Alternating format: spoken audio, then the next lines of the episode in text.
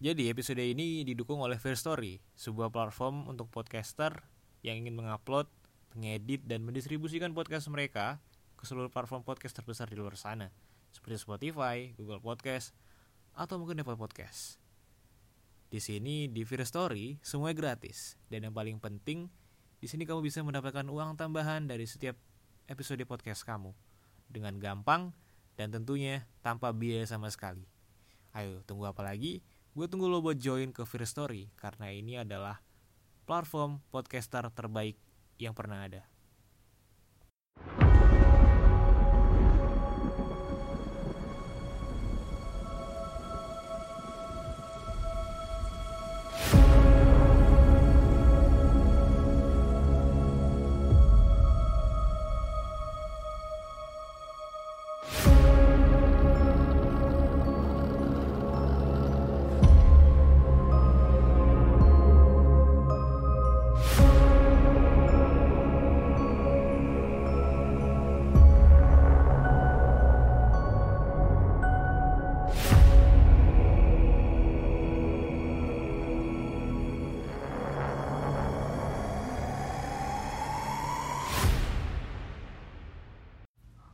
Halo semuanya. Welcome back again Di channel podcast Dengerin horor. Dengan gue di sini Iksan Yang Bakalan menemani kalian sampai 10 Sampai 15 menit ke depan. Karena Menyambut Bulan Juli jadi di awal bulan ini dan di awal pertengahan tahun ini gue bakal bacain cerita horor tapi singkat aja sebagai pembukaan aja buat ke depannya. Yang tentunya bakal lebih seru dan lebih panjang ceritanya. So, kita bakal mulai dengan cerita horor atau treat horor dari akun Twitter tentunya ya dari at KMBG Kantil yang berjudul makam keramat Cirebon.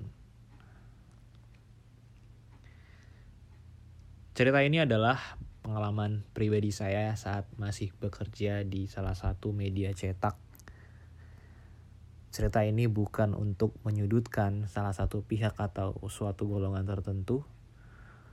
Namun, saya ceritakan sebagai bentuk peringatan agar kita bisa memiliki adab atau etika saat mengunjungi makam-makam yang memiliki nilai historis dan dihormati masyarakat.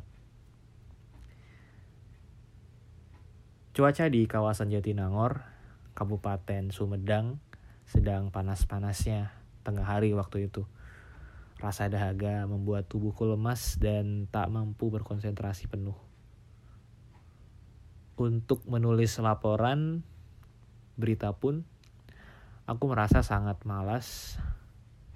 Maklum, saat itu aku tengah menjalani ibadah puasa Ramadan dan aku masih harus merampungkan pencarian bahan-bahan tambahan untuk tulisan investigasiku terkait laporan pelaksanaan proyek tol Cisumdawu yang dinilai ada penyimpangan. Kemudian ponselku berdering Aku ambil ponselku dari dalam tas. Ternyata koordinator liputan yang tengah menelponku. Gak banyak basa-basi, aku langsung mengangkatnya. Takutnya ada sebuah peristiwa yang memang harus aku kejar untuk kebutuhan pemberitaan. Terus koordinatorku namanya Kang Muhammad, dia bilang gini besok ke Cirebon ya sama Pak Bagus. Mobil udah disiapkan. Coba koordinasi sama Pak Bagas dan Mbak Ati, sekretaris redaksi. Terus aku jawab, siap Kang, berapa hari di sana? Terus dibalas lagi sama kornya. Seberesnya liputan aja, tapi kamu nanti ke kantor dulu ya, barengan kita buat TOR atau Term of Reference. Bukannya ingin sombong atau bagaimana untuk pemberitaan yang cukup sensitif dan lain sebagainya, memang akulah yang diandalkan. Entah apa yang membuat redaksi mempercayaiku. Berat sih, tapi namanya juga prajurit harus siap diperintah atasan. Padahal masih banyak wartawan senior yang mumpuni dan berpengalaman untuk mengemban tugas-tugas berat seperti itu. Setelah berbuka puasa di Jatinangor, aku akhirnya bertolak ke Bandung. Tentu saja bukan untuk pulang ke rumah, tapi menuju kantor untuk membahas TOR atau Term of Reference pemberitaan dengan core liputan. Tor ini merupakan kerangka ajuan kerja yang dibuat untuk membuat gambaran umum dan penjelasan pekerjaan meliputi strategi pencapaian, waktu pencapaian, dan hasil pekerjaan. Setelah memarkirkan kendaraanku, aku langsung menuju ke ruangan redaksi. Ternyata Pak Bagus tiba lebih dahulu. Ia adalah fotografer andalan dan panutan. Sosoknya rendah hati dan walaupun meski gimana sih? Walaupun meski. Walaupun memiliki segudang ilmu fotografi dia tetap rendah hati. Ia bahkan disegani para fotografer di kota Bandung meski sudah cukup berumur performa dan mobilitasnya juga jangan didagukan terus aku ngomong sama Pak Bagas Eh, Pak Bagas. Udah lama, Pak. Maaf, saya sedikit telat.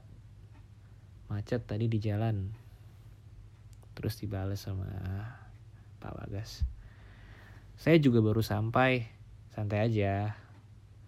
Orang kata hati, Muhammad juga masih rapat. Ya, begitulah kerja di sebuah perusahaan media. Tak mengenal waktu. Tidak seperti bekerja di perusahaan lainnya yang jam kerjanya sudah ditentukan. Karena kerja di media, memang kami harus dituntut bekerja penuh loyalitas. Kami akhirnya turun ke bawah menyapa teman-teman layout yang masih kongkow sambil menunggu kor liputan. Ternyata sejumlah teman-teman di layout sudah mengetahui jika aku akan ditugaskan ke Cirebon. Bang, kerja sambil liburan lagi nih. Kata Kang Rohiyat. Wah, kok tahu? Liburan gimana? Males saya sebenarnya, jawabku. Enak kan bang, kerja sambil liburan mah. Kan kemarin-kemarin juga sama, dua minggu dikirim ke Maluku. Enak banget jadi abang. Kalau bisa nulis berita mah, saya pengen bisa kayak abang. Terus Mbak Ati menelponku saat aku tengah asik mengobrol sambil mengisap rokok. Ia mengatakan jika koor liputan sudah menunggu di ruang rapat. Aku dan Pak Bagus pun kembali naik ke atas untuk menemuinya. Kami bertiga langsung membahas mengenai liputan di Cirebon. Besok. Perusahaan mediaku memang saat itu menyiapkan sebuah rubrik untuk bulan Ramadan di mana salah satu konten yang diwajibkan harus ada adalah kisah para penyebar agama Islam. Dan kota Cirebon menjadi target utama. Karena di sana banyak makam waliullah yang meninggalkan segudang cerita yang menarik kala menyebarkan agama Islam. Lalu kenapa aku ditugaskan untuk ikut andil dalam mengisi rubrik ini? Padahal tugas utamaku adalah membuat pemberitaan pemberitaan investigasi. Ya, karena memang redaksi kekurangan bahan pemberitaan dari wartawan lapangan. Setelah selesai tor dibuat, kami pun akhirnya pulang ke rumah. Aku pun sudah membuat janji dengan Pak Bagus untuk berangkat ke Cirebon keesokan harinya.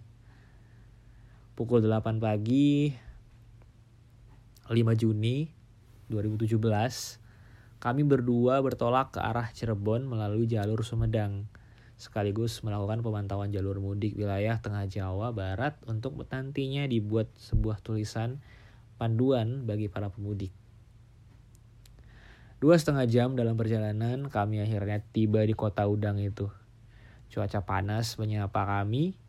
Kami menyempatkan untuk membeli es dawet di pinggir jalan sambil mengobrol dengan penjualnya dengan maksud menanyakan sejumlah alamat makam tokoh-tokoh penyebar Islam di Cirebon. Terus dijawab sama pedagang es dawet kan makam keramat banyak di sini mas makam wali ada makam yang suka dibuat ritual pesugihan atau untuk ilmu hitam juga ada.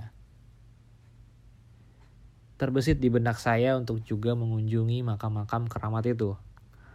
Maklum karena pada dasarnya aku sendiri juga memang menyukai hal-hal yang berbau mistis dan klinik. Aku akhirnya menanyakan letak sejumlah makam yang menyimpan cerita-cerita mistis kepada penjual es dawet itu. Kebetulan, ia memang warga asli Cirebon. Diberikanlah aku referensi beberapa nama orang yang dianggap memiliki ilmu kedikdayaan tingkat tinggi pada masanya. Terus dalam pikiranku, mumpung dapat tugas di Cirebon, sekalian aja lah kami akhirnya memutuskan untuk berputar-putar mencari petunjuk terlebih dahulu. Maksud petunjuk di sini adalah keberadaan sejumlah juru kunci makam Wayullah yang nantinya akan kami jadikan narasumber. Setelah sejumlah juru kunci kami temui, kami akhirnya bisa membuat janji untuk melakukan sesi wawancara keesokan harinya. Karena tentunya kami harus mengambil sejumlah foto terlebih dahulu. Sejumlah sejumlah. Sorry. Sebelum mengabadikan sejumlah foto, kami memutuskan untuk check-in di hotel berlebih terlebih dahulu untuk menyimpan sejumlah barang bawaan. Hotel yang kami tempati ini merupakan hotel unit bisnis kelompok perusahaan yang juga menaungi media kami. Setelah check-in, kami berdua memutuskan untuk kembali bekerja mencari sejumlah bahan liputan. Di dalam mobil aku bertanya ke Pak Bagus. Pak, gimana kalau kita keliling dulu ke makam dan situs lain sebelum mengunjungi makam yang sudah kita list? Eh, ternyata Pak Bagus menyetujuinya. Ternyata diam-diam juga dia penasaran dengan keberadaan makam-makam dan situs keramat itu. Terus dibalas sama dia. Ayo, siapa takut? Akhirnya kami mengarah ke arah barat dari lokasi hotel kami, tepatnya ke arah wilayah Pangurangan dan Lemah Abang. Untuk menuju ke sana, kami tentu saja harus melewati Jalan Sunan Gunung Jati. Melewati kompleks pemakaman Sunan Gunung Jati dan gurunya Syekh Maulana Zatul Kafi atau Syekh Nurjati terus guru Sunang Gunung Jati memang kami bermaksud mengunjungi sejumlah makam penyebar Islam seperti makam Nyimas Gandasari ataupun Syekh Magelung Sakti dua murid Sunan Gunung Sunan Gunung Jati yang cukup tersohor namun sebelum ke makam-makam itu, kami berkunjung ke beberapa makam yang dianggap keramat. Tentu saja bukan makam prioritas tokoh penyebar Islam yang sudah kami list sebelumnya. Kami terus sibuk mengunjungi makam-makam dan situs keramat itu hingga menjelang maghrib.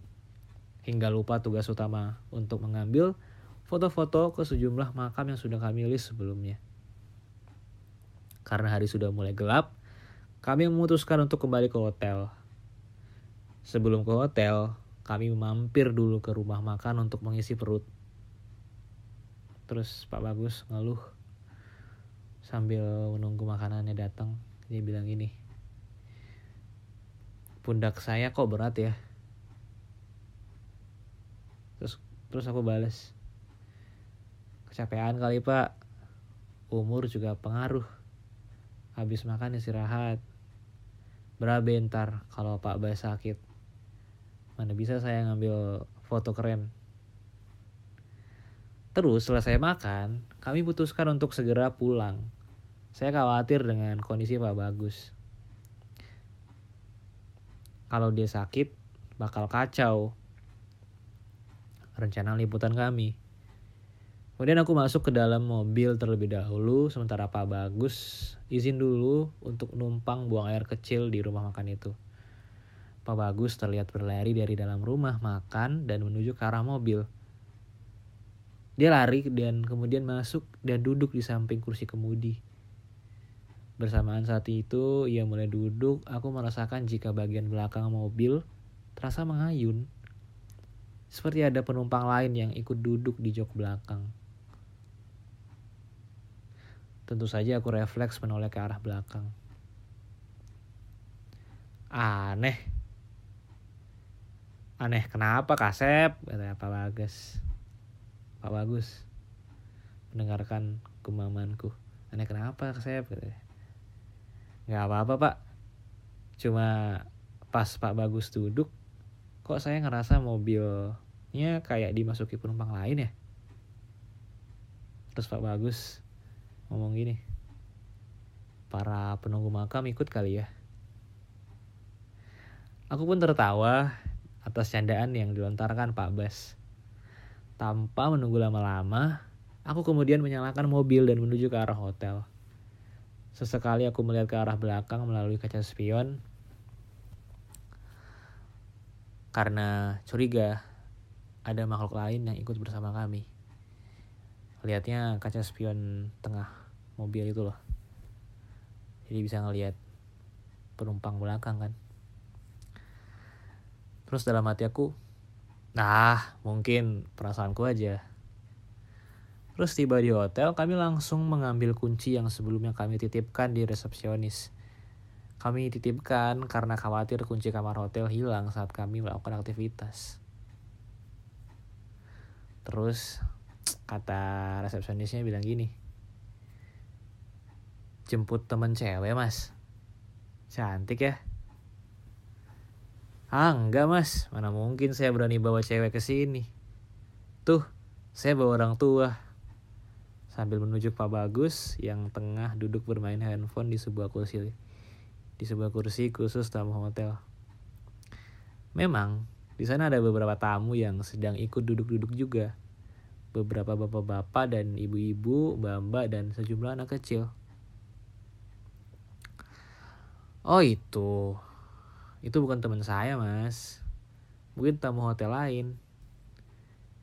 Aku menunjuk perempuan berbaju kuning dengan topi yang di telinganya terselip headset seperti tengah mendengarkan lagu. Terus resepsionisnya tiba-tiba mengernyitkan dahinya kayak bingung gitu. Kenapa mbak mbak itu rasanya gitu? Kayak bukan mbak mbak itu kali gitu. Terus aku yang sudah menggenggam kunci kamar hotel langsung berpamitan ayo pak kita naik kamar kami ada di lantai dua paling ujung kiri Pak Bagus menyarankan agar kami menaiki tangga aja karena dia berniat melihat-lihat sejumlah lukisan yang terpajang di lorong hotel lantai dua. Biasa, jiwa senimannya muncul. Tibalah di lantai dua. Aku mencium bau kembang melati. Aku menanyakan kepada Pak Bagus. Anehnya, ia tak ikut mencium aromanya. Ah, memang udah hal yang lumrah aku mencium wangi-wangian seperti itu. Memang pada dasarnya aku ini orang yang cukup berani, maka aku bersikap acuh waktu itu. Karena hantu dan sejenisnya sudah bukan hal yang baru di kehidupanku. Toh pikirku juga, mereka tak mungkin akan mencekikku dan membuatku mati. Aku merasa jumawa saat itu. Aku kemudian membuka pintu kamar hotel Pak Bagus memasuki kamar dengan langkah sedikit cepat seperti anak kecil. Akhirnya nemu kasur juga sambil merebahkan tubuhnya. Saya mandi duluan ya pak. Aku pun langsung masuk ke dalam kamar mandi. Aku sirami tubuh lelaku ini dengan air hangat. Saat aku menyampor rambut, Pintu kamar mandi ada yang mengetuk. Tok tok tok tok. Sebentar, Pak. Jawabku. Suara ketukan itu terdengar lagi. Aku mempercepat mandiku. Takutnya Pak Bagus juga ingin mandi karena keringat yang menempel di baju akibat dari cuaca Cirebon yang sangat panas. Saat membuka pintu kamar mandi, aku justru melihat Pak Bagus sedang mengorok di kasurnya. Aku pun lantas membangunkannya. Sok atuh pak. Sok atuh pak. Sok atuh pak. Kalau mau i, kalau mau mandi, kalau mau iba. Malas ah. Udah kena AC gini, jadi dingin. Jawabnya sambil menarik selimut. Terus, tadi siapa dong yang ketuk-ketuk pintu? Hah? Siapa? Saya? Enggak kok. Saya malah ketiduran. Waduh, gawat. Pak Bagus pun heran. Ia tidak jadi melanjutkan tidurnya. Masih dalam keheranan, ia kemudian memanaskan air di teko untuk membuat kopi saset yang sudah disediakan pihak hotel. Serius ada yang ketuk-ketuk? Jangan bohong-bohong ah. Ia menanyaiku dengan wajah cukup cemas. Iya pak, serius. Saya kira pak bagus tadi yang mau mandi atau BAB. Makanya saya cepet-cepet mandinya. Terus airnya mendidih. Ia terperanjat sementara aku menertawainya yang wajahnya memperlihatkan raut ketakutan. Airnya tuh udah panas. Ketika Pak Bagus menuangkan air panas ke dalam gelas, tiba-tiba suara cekikan perempuan terdengar dari luar jendela. Aroma kembang melati tiba-tiba kembali menyeruak di kamar kami. Kali ini Pak Bagus ikut mendengarkannya. Pak Bagus terbengong seketika. Kemudian diraihlah tanganku dan menyeretku untuk keluar kamar untuk mengajak turun ke bawah. Sambil ngomong gini nggak beres ini mah. Mulai dari situlah kejadian-kejadian ganjil yang aku alami di Cirebon. Oke teman-teman. Itulah akhir dari cerita ini. Semoga menikmati ceritanya gue Iksan sampai jumpa lagi di episode berikutnya Thank you udah dengerin sampai selesai. Thank you yang udah follow. Thank you yang udah share. Bye.